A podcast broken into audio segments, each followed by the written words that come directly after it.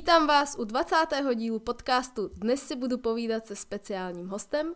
Je to momentálně už bývalá studentka Vysoké školy umělecko-průmyslové Alena Konečná, se kterou jsme se poznali díky tématu její diplomové práce. Dnes si budeme povídat o fototerapii a o tom, jak se dá takové speciální svítidlo pro fototerapii pojmout nejen, aby fungovalo, ale zároveň, aby bylo designovým prvkem interiéru. Dobrý den. Dobrý den, děkuji za pozvání. jak se máte? Mám se dobře, jsem lehce unavená, protože to byl náročný týden a dneska už je čtvrtek, ale jinak se mám krásně, děkuji. Co máte nového? My jsme se vlastně neviděli, kdy jste promovala. Já jsem absolvovala vlastně v červnu mm-hmm. a mám pocit, že jsme se spolu viděli krátce někdy předtím v rámci konzultace právě mojí diplomky, mm-hmm. takže... Jaká byla státní závěrečná zkouška? Státní závěrečné zkoušky my jsme měli už v únoru, ty byly, ty byly vlastně hodně nepříjemné kvůli tomu, že přesně ten den začala invaze na Ukrajině, mm-hmm. takže to z nás všech šlo hodně cítit ale potom vlastní obhajoba té praktické části diplomové práce, což už je teda produkt a ta psaná diplomka, tak eh, to bylo vlastně moc příjemné. My jsme k tomu měli krásnou výstavu v eh, Mikulanské, v technologickém centru a jo, bylo to fajn. Tak super, to jsou samé dobré zprávy. Určitě ještě dneska nějaké se dozvíme. Uh, chtěla jsem se na vás připravit, ale na internetu nenecháváte za sebou žádnou uh, stopu.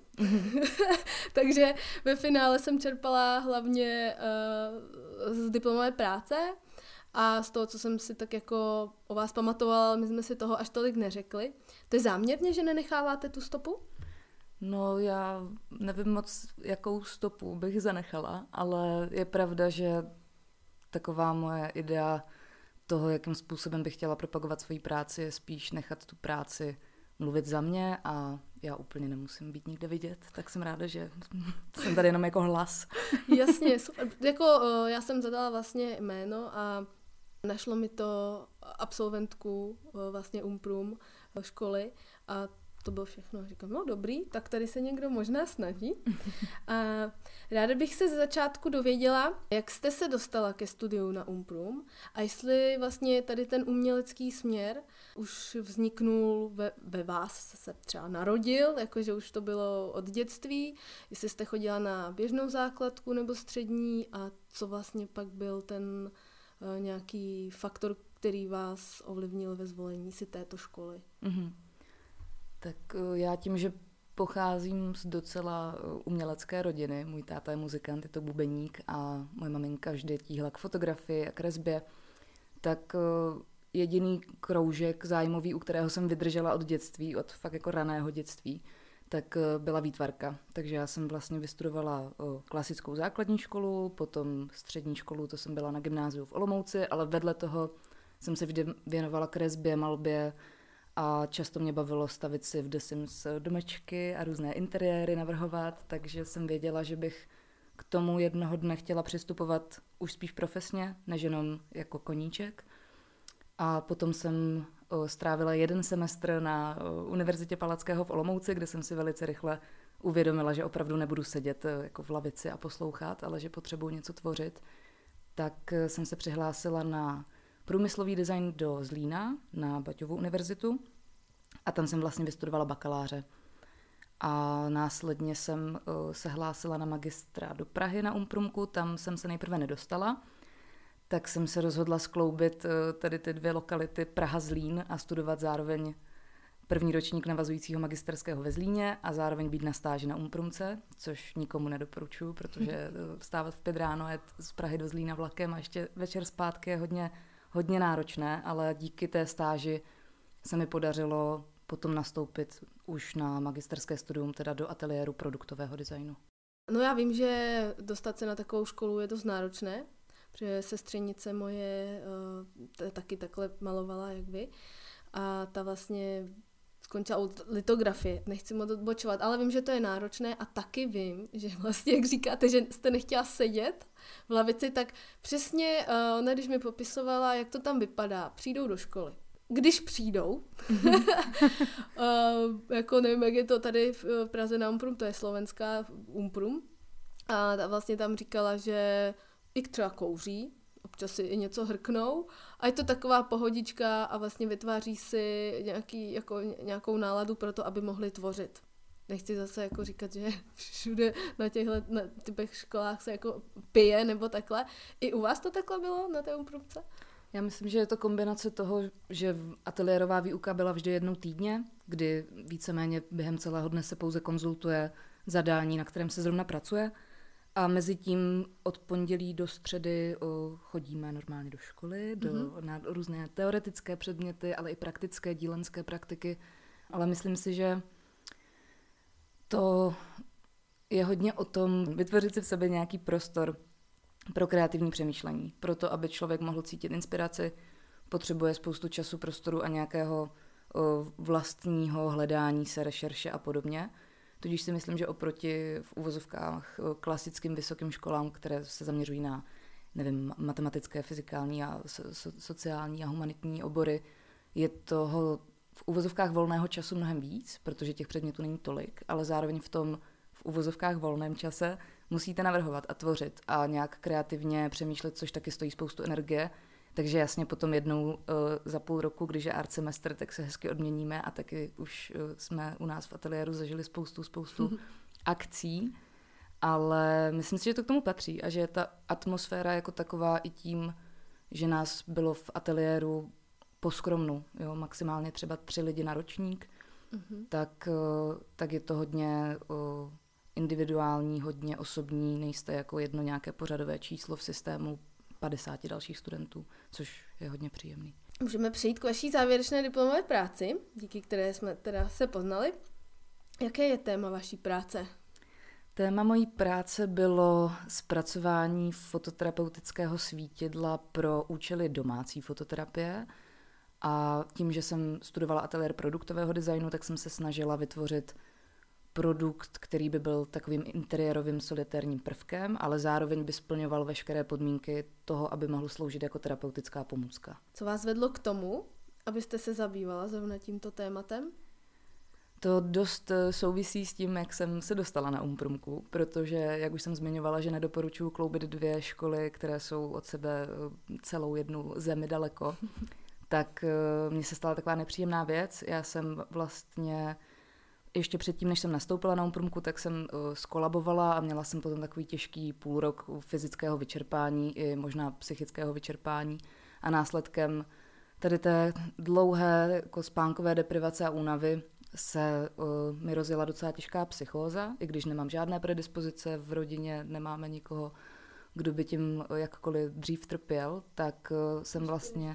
Vysvětlila byste, co mm-hmm. to je ta psychóza? Protože zní to třeba hrozně, ale možná, že to až tak hrozné není. Jasně, no já nejsem úplně odborník, ale ze své vlastní zkušenosti uh, můžu říct, že vlastně uh, se v mozku nastane situace, kdy, nebo ne, nechci to říct špatně, mm-hmm. ale my, myslím si, nebo chápu to tak, že uh, se člověk dostane buď to do té uh, depresivní fáze, kdy se mu špatně vyplavují hormony, je hodně unavený, nefungují úplně veškeré neurologické dráhy, a nebo naopak se může dostat do stavu mánického, tak, nebo hypománického, jak to bývá nazýváno, kde jsem teda se ocitla já. Mm-hmm.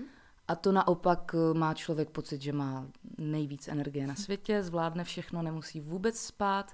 Často je to prolnuto s různými i vizuálními jevy, halucinacemi, takovou, takovou nechci říct eh, schizofrení, ale tak, takovým pocitem, že vlastně ne, nevíte, jestli jste úplně v realitě. Mm-hmm. Co přesně se děje s mozkem, to, to vám nepovím, ale je pravda, že slovo psychóza zní strašně a já hrozně nerada mm-hmm. používám veškeré tady ty termíny mm-hmm. jako deprese, mánie, psychóza, protože si myslím, že je to u každého člověka velice individuální, ale zároveň věřím tomu, že přesně jak říkám, člověk nemusí mít jakoukoliv predispozici a opravdu jenom nějakým fyzickým vyčerpáním se může dostat do stavu, kdy ten mozek už vlastně jako nemůže. Jasně. A dostane se do nějaké fáze obraného mechanismu, kdy se snaží přežít, ale vlastně bez, nebo když už to potom postupuje tak daleko, že o, ten člověk sám to na sobě nepozná a necítí, tak je potřeba vyhledat odbornou pomoc vždycky, mm-hmm. nebo to je vždycky jako dobrá cesta. Že jste se k tomu dostala skrz to, že vám něco takového diagnostikovali mm-hmm. a No, protože já jsem už jako předtím na bakaláři věděla, nebo chtěla jsem svá studia designu ukončit nějakým světelným objektem nebo světlem, práci se světlem. A potom, když eh, jsem vlastně nastupovala na Umprumku a první semestr jsem strávila hospitalizovaná v Národním ústavu duševního zdraví, tak eh, jsem se toho snu nechtěla vzdát a, chtěla, a řekla jsem si, já to udělám a bude to světlo, které by mohlo někomu pomoct. Protože v rámci nějaké své rešerše jsem dospěla k tomu, že světlo je neuvěřitelná jako entita, která samozřejmě může být hezký interiérový prvek, jako lampa nebo lustr, ale zároveň, když jsem vlastně nabila toho vědomí, že existují fototerapeutická svítidla, tak jsem věděla, že skrz tu moji zkušenost je to jediná cesta, kterou já chci jít. Když jste tam byla hospitalizovaná, vy jste i prováděla fototerapii? Já ne, protože já mám pocit, že v Národním ústavu duševního zdraví vznikla taková větší fotokomora až možná po tom, co já už jsem tam hospitalizovaná nebyla, takže já jsem na fototerapii nedocházela. Já mm-hmm. jsem mhm. měla spoustu, spoustu jiných metod, ale o těch bych se tady radši jasně, nebavila. Jasně, jasně. No ono vlastně ta fototerapie, pokud uh, ten člověk má vlastně že, mánickou fázi, pak má tu uh, utlumenou, tu depresivní, mm-hmm. tak ona se, ta fototerapie ani nesmí v té mánické používat, protože by ona by ještě vlastně víc nabudila toho člověka a on by asi pravděpodobně pak měl ještě horší ten propad. Přesně tak. A vy jste to půl roku vydržela v té mánii a pak jste měla teda ten propad. To je teda co říct. No. To máte dob- dobrý genový základ, že jste to půl roku takhle podržela. Já mám hlavně štěstí, že už jsem se potom jako do toho stavu nikdy nikdy nedostala, mm-hmm. protože je pravda, že eh, když eh, jsem to konzultovala s odborníky z praxe, s psychiatry, tak to, byla vlastně, to bylo to největší nebezpečí, nějaká jako forma recidívy a toho, že člověk opravdu musí dost jako změnit životní styl a nějak přemýšlet nad tím, ne proč se mu to stalo, ale jak dělat věci tak, aby už se to nestalo. Mm-hmm. S ohledem na to, o čem jsme si teďka povídali, jak jste snášela to období covidu, eh, když jsme museli dodržovat různá nařízení a nevycházet mezi lidi, i jako co se týká třeba nějakého eh, toho tvoření, že jste mm-hmm. nedocházela do školy, neměli jste třeba konzultace? Mm-hmm. To bylo, myslím, nejenom pro mě, ale pro celý náš ateliér velice nepříjemné, protože eh, si pamatuju, že jsme tenkrát navrhovali židle a konzultovali jsme je online přes Teamsy, ukazovali jsme si navzájem ty modely, které jsme si zbastlili doma z pár věcí, co jsme tam našli.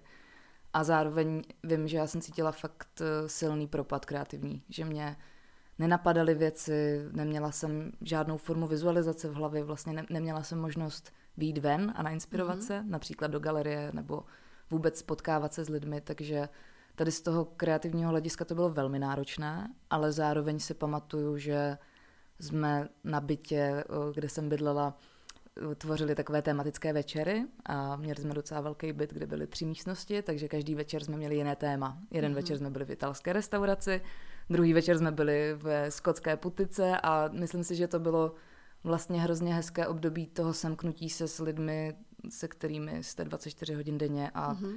ta, ta osobní linka mám pocit, že se mi trochu prohloubila, ale ta profesní nebo kreativní, tak ta byla hodně, hodně utlumená. A to vlastně jste sdílela byt eh, s lidmi ze školy?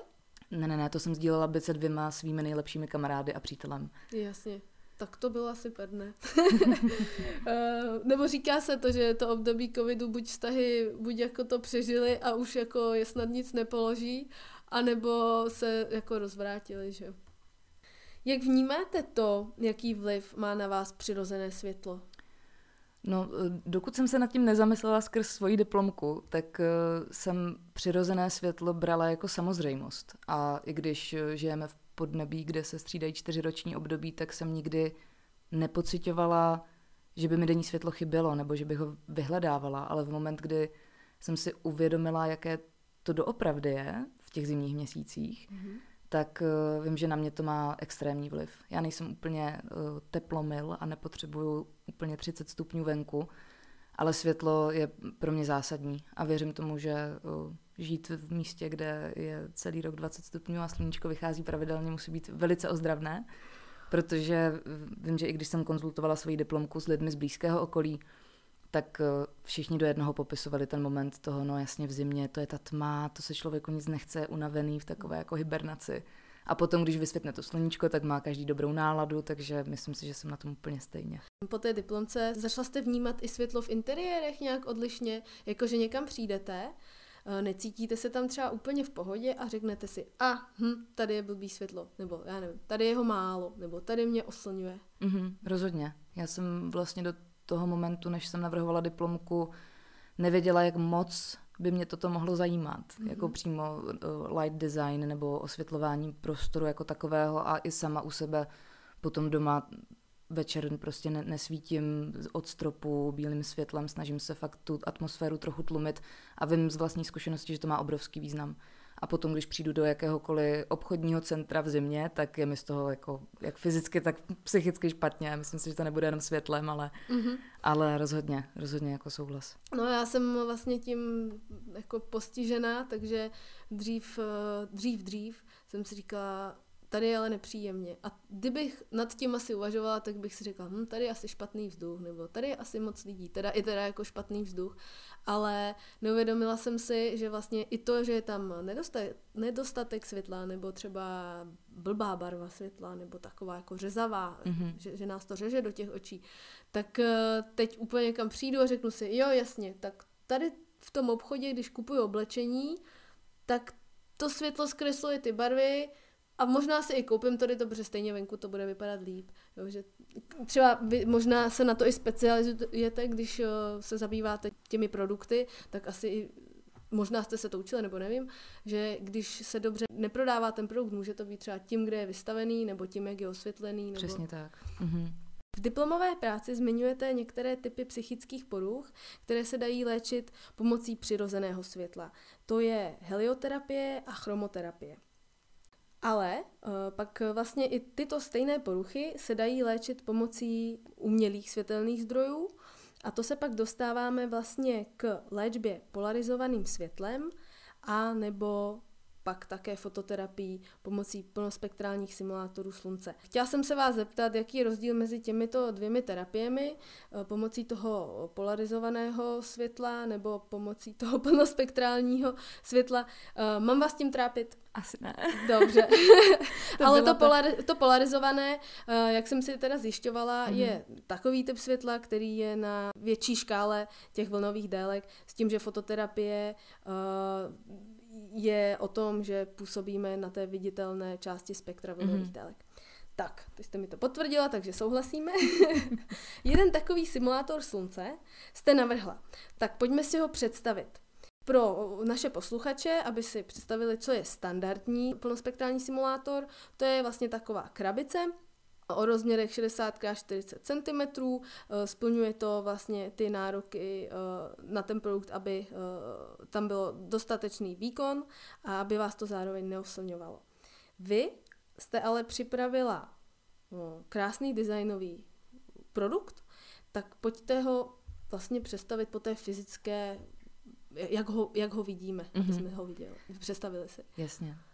No, já si myslím, že důležitá informace je přesně to, co jste řekla, a to uh, vlastně nakombinovat tak silný výkon světla, aby zároveň člověka neoslňoval, protože ty jednotky, jak jsme se o nich i spolu my dvě bavili, dosahují až uh, například 10 tisíc luxů, což při srovnání s klasickou žárovkou, kterou má člověk v místnosti, která má třeba nevím, 300 až 500 luxů, obyčejně, tak je to opravdu lidsky řečeno taková jako silná palba světla. Tudíž je potřeba ji distribuovat do dostatečně velké plochy, což pro mě dlouho byl oříšek, se kterým jsem nevěděla, jak naložit, protože v moment, kdy navrhuji tak rozměrnou věc, tak eh, jí musím v tom interiéru najít nějaké místo. Zároveň jsem se snažila skloubit to nebo nacítit se do člověka, který trpí ať už sezónní afektivní poruchou nebo lehkou formou deprese, které to jsou právě nemoci, které potřebují pro léčbu vlastně fototerapii, tak jsem si říkala, no jo, ale člověk, když má depku, tak ráno z té postele nechce ani vylíst ven. A to bylo, to, to bylo vlastně klíč k tomu,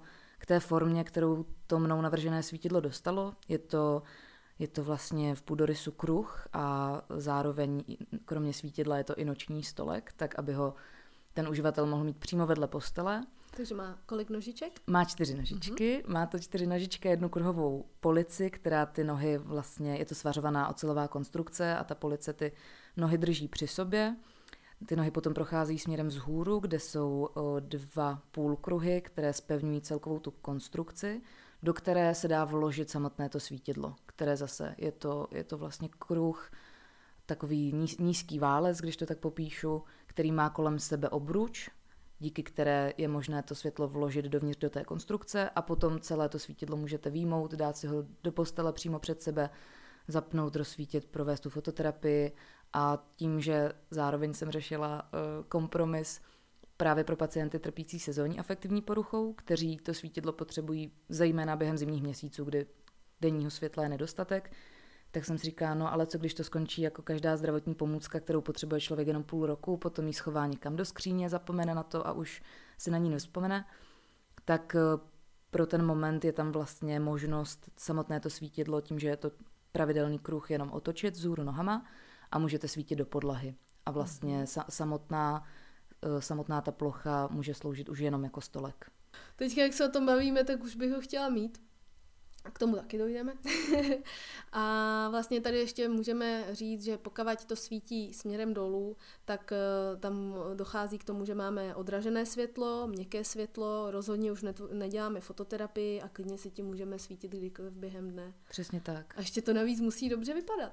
A to svítidlo, jenom ještě pro představu eh, našich posluchačů, eh, ono vlastně je na kabelu, Jo, svítidlo, to, to to je ten kruh, co mm-hmm, se zandá tak. do té konstrukce. Přesně tak, tak z něj jde přímo napájecí kabel přímo do sítě, vlastně v rámci samotné vnitřní technické konstrukce, kterou mi naštěstí pomohl stvořit pan inženýr Fuchsa, mm-hmm. kterému moc děkuji už po několikáté a myslím, že nikdy nepřestanu děkovat, protože bez něj by to vůbec nevzniklo tak eh, jsme to vymysleli tak, že samotné trafo je vevnitř v tom svítidle a potom už je pouze vyveden síťový kabel, který jde přímo, přímo do zásuvky. Protože mm-hmm. sice jsem se snažila eh, nějakým způsobem přemýšlet nad variantou dobíjecí, protože samotná ta forma toho produktu k tomu trošku vybízí, že by se to svítidlo pouze položilo, celou noc by se nabíjelo a ráno byste si ji mohl dát do klína, ale zároveň tam vzniká spousta problémů typu váhy baterií, nějakého elektromagnetického pole okolo toho samotného mm-hmm. světla, takže to na, nakonec ta cesta byla taková, že přímo z toho světla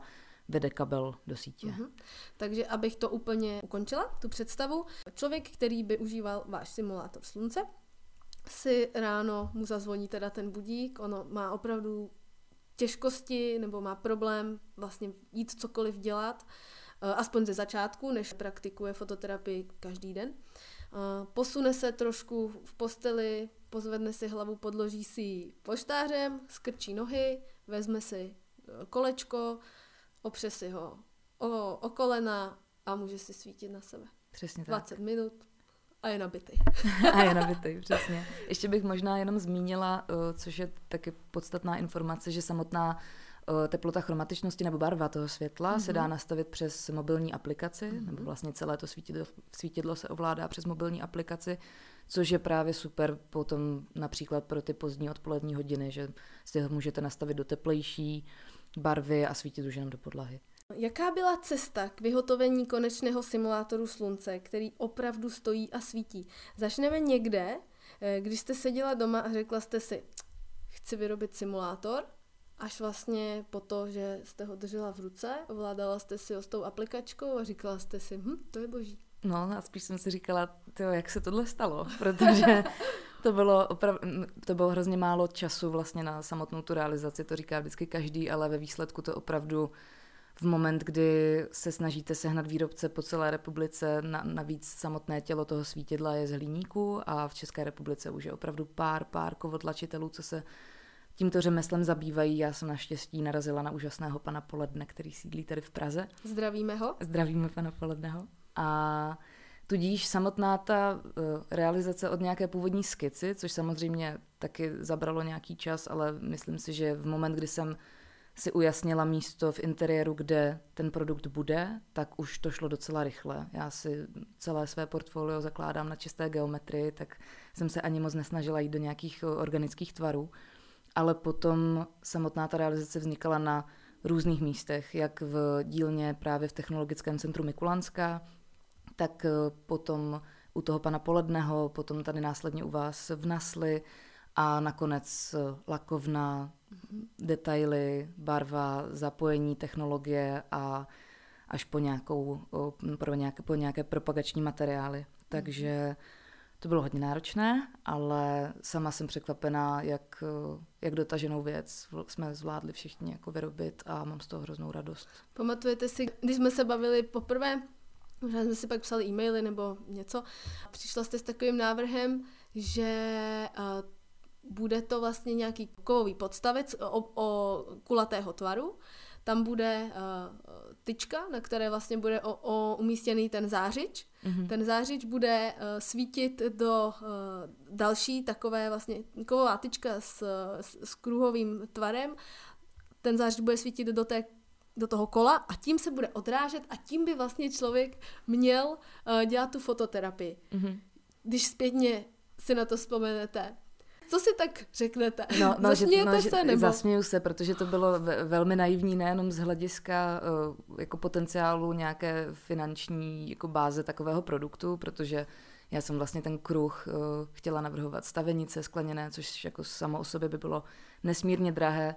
Zároveň potom, když jsem konzultovala s vámi, tak uh, jsem velice rychle pochopila, jak jak eh, důležité je dívat se přímo do zdroje toho svítidla a mhm. odražené světlo, tam vznikají tak obrovské ztráty, že bych eh, se nějakým zdrojem o průměru 20 cm opravdu na 10 000 luxů nikdy v životě nedostala.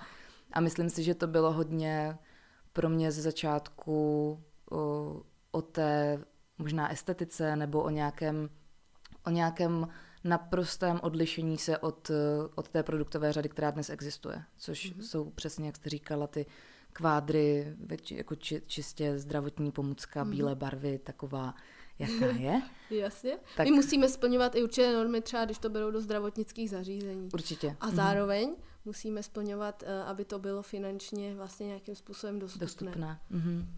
Protože třeba ještě jsme ani nestanovili, ani nevíme, kolik by stála třeba velkovýroba vašeho typu simulátoru, ale určitě si myslím, že by byla o minimálně dvakrát tak nákladná vlastně, jak to máme teď. Mhm. Protože, mm-hmm. ale je to multifunkční, k tomu zase musíme přistupovat vlastně takhle.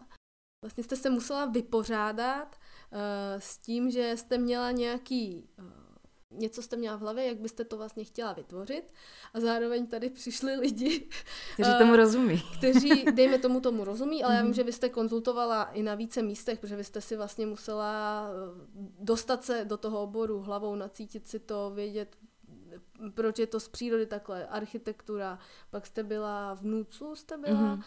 u nás jste byla, byla jste ještě v jiných studiích a tyhle všichni lidi vám řekli, uh, jak by to mělo být z jejich hlediska, vy jste měla nějakou představu a pak třeba já jsem vám, myslím si, že to, co jsem začala říkat, já vám začalo hrozně negativně, protože já jsem vám řekla, proč to nejde.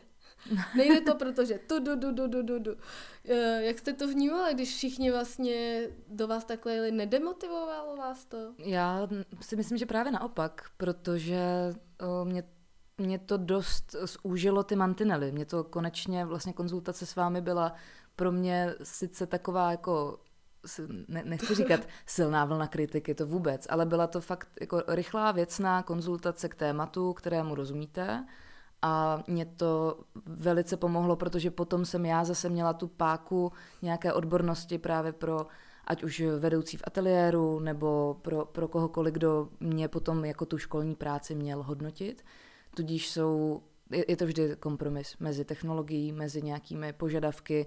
Navíc bavíme se o léčebném jako procesu, takže zároveň, když jsem to konzultovala v Národním ústavu duševního zdraví s panem Koleničem, dal mi zase jiné vhledy z jeho pozice psychiatra, tudíž jakákoliv konzultace byla vždy ve, velmi k věci a, a bylo jako super si z toho vlastního ega trošku jako utnout a říct si, hele, jasně, chceš to mít hezký, ale zároveň to musí fungovat a musí to těm lidem pomoct. Hmm. Takže to je vždy, jako vždy ta funkce je důležitější než ta výsledná forma. Já jsem si upřímně myslela, že už nepřijdete. to ne. že, že, že, já jsem si říkala, no chudák, tak teď jsem jí řekla, proč prostě to nejde. Ne každý se s tím umí takhle vypořádat. Někdo, někdo třeba není otevřený a řekne si, tak stejně my si to uděláme podle se. Ale pak by to byla škoda, protože uh, vy jako uh, vyšla studentka z Umprum, z toho oboru, ze kterého jste, tak uh, vy chcete dělat produkty, které se budou prodávat. Ne které si doma postavíte do vitrínky. Tohle jsem vyrobila, je to jeden z mých produktů ale jako, že jo, chce to nějaké procenta z prodeje. Rozhodně, rozhodně. Když jsem si pročítala vaši diplomku, pořád se na to uh, odvolávám, protože, jak říkali jsme na začátku, nemáte žádnou internetovou stopu.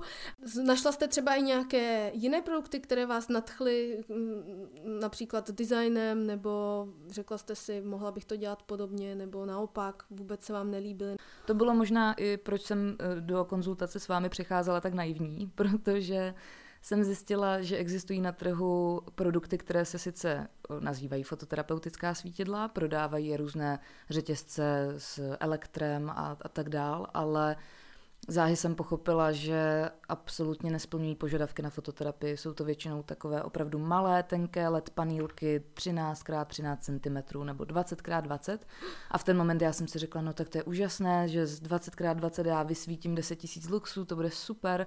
A pár z těch produktů jsem si šla do prodejny vyzkoušet a cítila jsem, že to ne, ne, není to příjemné se do toho dívat.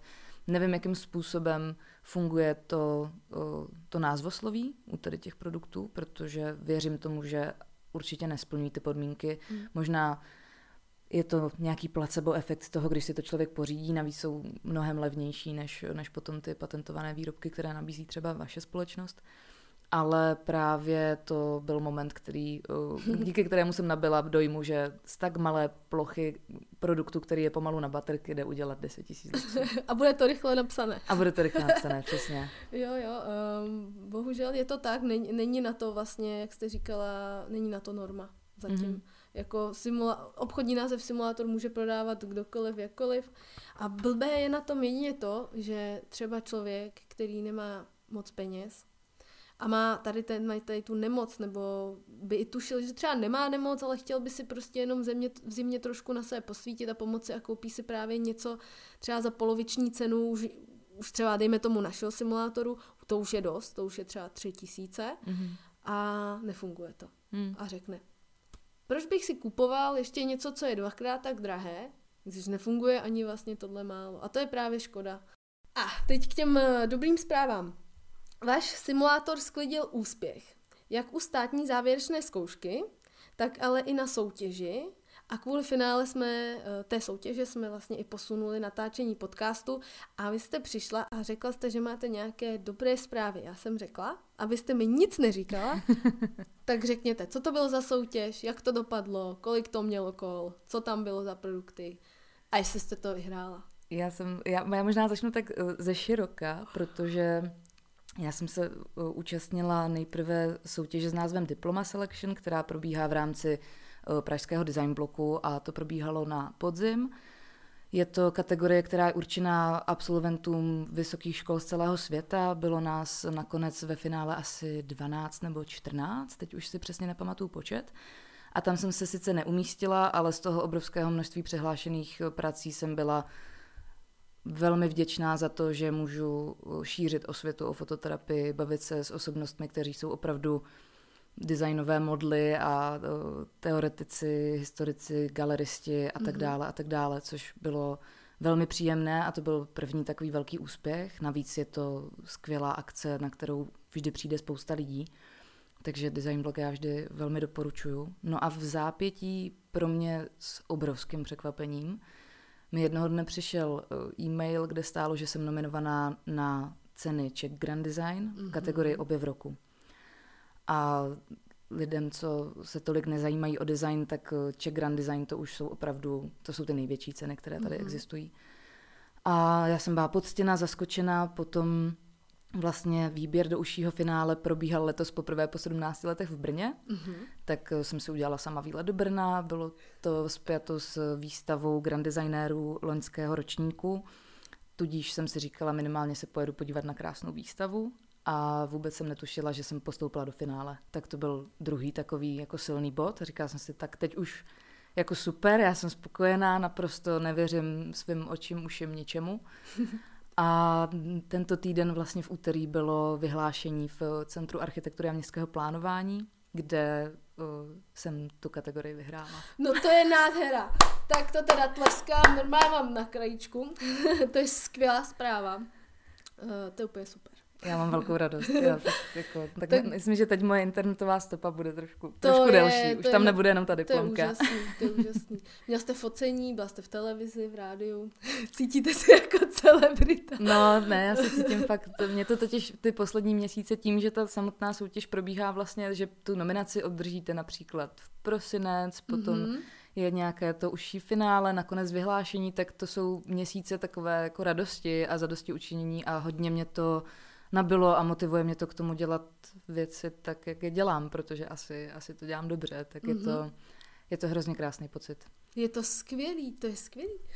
No, um, ještě bych to řekla párkrát, samozřejmě. Mám, mám strašnou radost, že jsme se mohli podílet na tom, že, nebo vy jste to měla v hlavě, vy jste si to vymyslela sama, ale mám radost, že třeba jednou promilí jsme vám něčím přispěli, No to i víc. tak to je, to je skvělý. Jaké je vaše další směřování? Eh, Co, na čem teďka pracujete? Eh, Pochlubte se. Já momentálně pracuji v architektonickém studiu DL, tady v Praze v Karlíně, což eh, bylo taky naprosté překvapení, protože ačkoliv jsem vystudovala produktový design a s interiéry nemám tak velkou zkušenost, tak jsem se samozřejmě jako asi každý absolvent ocitla v naprosté krizi, co se sebou budu dělat, odjedu do zahraničí, dám si rok volna, nevím, co bude a nebude.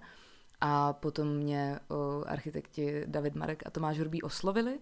Šla jsem na pohovor a víceméně i hned jsme věděli, že jsou tam nějaké vzájemné sympatie toho, jakým způsobem to studio funguje, jakým způsobem já pracuji. Tudíž jsem ukotvená teď tam a je to, je to velmi příjemné a je, je tam velmi fajn kolektiv a všechny je moc zdravím. Zdravíme, zdravíme všechny.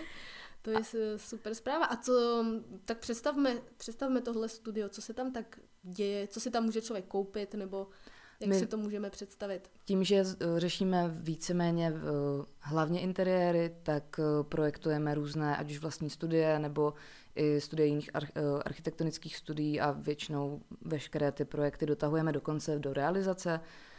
Tudíž, kdyby kdokoliv potřeboval navrhnout interiér, ať se nám ozve. Eh, Třeba kdybych potřebovala zlepšit obývák? Soukromé interiéry až tolik eh, na nich nepracujeme, Mhm. ale věřím tomu, že bychom našli nějakou společnou cestu. ale je pravda, že se zaměřujeme spíše na veřejné prostory, Mhm. ať už různé restaurace, hotely, bary a tak dále a tak dále. Navíc eh, pan David Marek je i divadelní scénograf, Mhm. tak je tam občas eh, šance rozstoupit i do těchto vod, ale z- zaobíráme se většinou interiéry veřejných prostor. Mhm. Takže dá se říct, že jste momentálně opustila vaši specializaci? Já jsem spíš momentálně na takové cestě učení se novým věcem, mm-hmm. tak bych to spíš nazvala. Já asi tu, tu svoji cestu, tak jak ji cítím pořád, že bych ráda věnovala svoji energii autorskou do produktů, které jsou opravdu spojeny se zdravotnictvím a můžou někomu pomoct, protože vím, že toho já se nepustím zuby nechty, mm-hmm. tak si je spíš nechávám teď rozležet v hlavě a věřím tomu, že ať už přes tady moji diplomovou práci s vámi najdeme nějakou formu spolupráce, anebo mě napadá spousta, spousta dalších věcí, na kterých bych chtěla pracovat. Co dodat? Eh, Děkuji vám moc krát, že jste přišla. Já moc děkuji za pozvání. Teď mám eh, tu čest eh, tady sedět s velkou celebritou. Jsem moc ráda, že jsme si to nechali až na konec, že to byl takový bombónek. Přeju vám, aby se vám moc moc dařilo, abyste byla spokojená na vašem novém místě, aby kolektiv, abyste se měli všichni rádi, abyste byla pořád moc kreativní a budu se těšit na další spolupráci. Já taky tak moc děkuji za pozvání ještě jednou a budu se těšit. Drazí posluchači, doposlouchali jste dnešní díl se speciálním hostem. Budu se těšit u některého z dalších dílů a mezi tím nikdy nezapomínejte, že papírky od hašlerek nepatří do lesa.